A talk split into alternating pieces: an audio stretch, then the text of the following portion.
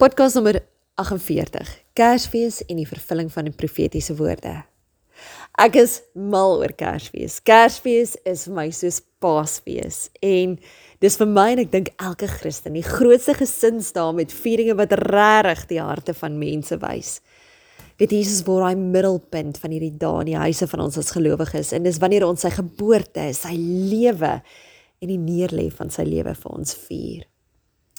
Ek weet nie van jou nie, maar ek gaan altyd terug Bybel toe. Dan gaan soek ek die rede hoekom ons as gelowiges hierdie dae vier. Wat is ons fondasie? En dan lees ek altyd klomp interessanthede raak wat ek graag sou ook met jou wil deel vandag.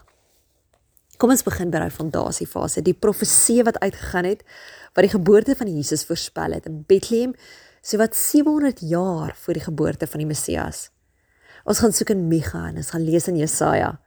As jy Bybel vat en jy blaai na Micha 5 vers 1 tot 2, lees dit my jy Bethlehem Efrata, jy's klein onder die familie in Juda, maar uit jou sal daar iemand kom wat aan my behoort en hy sal in Israel regeer.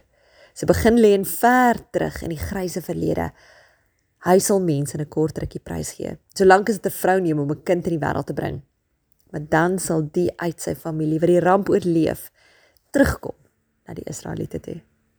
In Jesaja 7 vers 13 tot 14 dan lees ons Jesaja sê luister geslag van Dawid die Here sal self daarom vir julle 'n teken gee. 'n jong vrou sal swanger word en 'n seun in die wêreld bring en sy sal hom Immanuel noem. Ek praat oor hierdie twee profesieë en ek hou vas aan die gedagte dat ons God die Vader presies geweet het wat hy gedoen het toe hy Maria en Josef vertrou het om as aardse vader en moeder op te tree vir Jesus wat hy na ons toe gestuur het sodat ons as sy aardse kinders 'n ewige lewe saam met hom kan hê. En ek weet 25 Desember is nie noodwendig die datum waarop jy en jou gesin dit wil vier nie. Maar ek dink wat ek en jy vir mekaar kan sê as kinders van 'n lewende God is kom ons maak net 'n tyd en ons vier dit dan soos wat ons gemaklik is daarmee.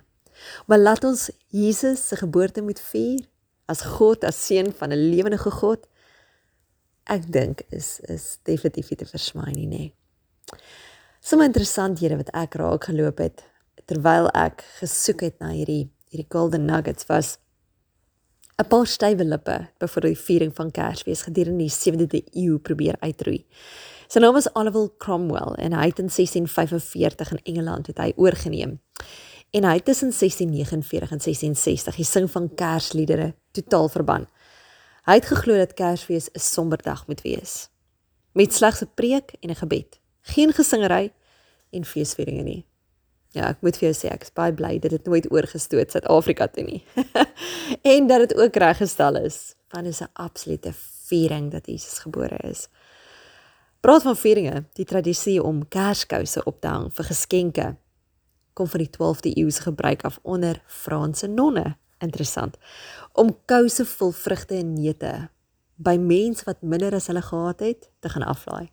Hulle het dit teen die deure gaan hang of sommer net daar gelos voor die deure.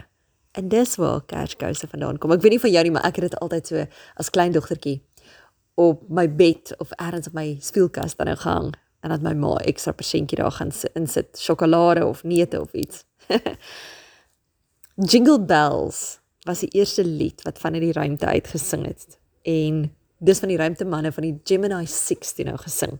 Nie op Kersfees nie, maar op 16 Desember 1965. Tom Stafford en Wally Schirra het toe nou Jingle Bells gesing. En interessant genoeg nog White Christmas van Bing Crosby is 'n Kersliedjie wat steeds die beste verkoper is. Dis al meer as 50 miljoen keer verkoop of kopieë wêreldwyd verkoop. Wat sê ek vandag? Ek sê gebruik Kerstyd op jou manier om tyd saam met jou geliefdes te spandeer. Die mense waarvoor jy die meeste omgee. Miskien is ek die stem in jou ore wat vandag sê, tel die telefoon op en bel. Vergeet net van 'n WhatsApp stuur of 'n Facebook boodskap stuur. As daai persoon belangrik is vir jou, tel die telefoon op, bel of maak 'n koffieafspraak. Maar hierdie Kerstyd Kom ons maak weer tyd vir mense.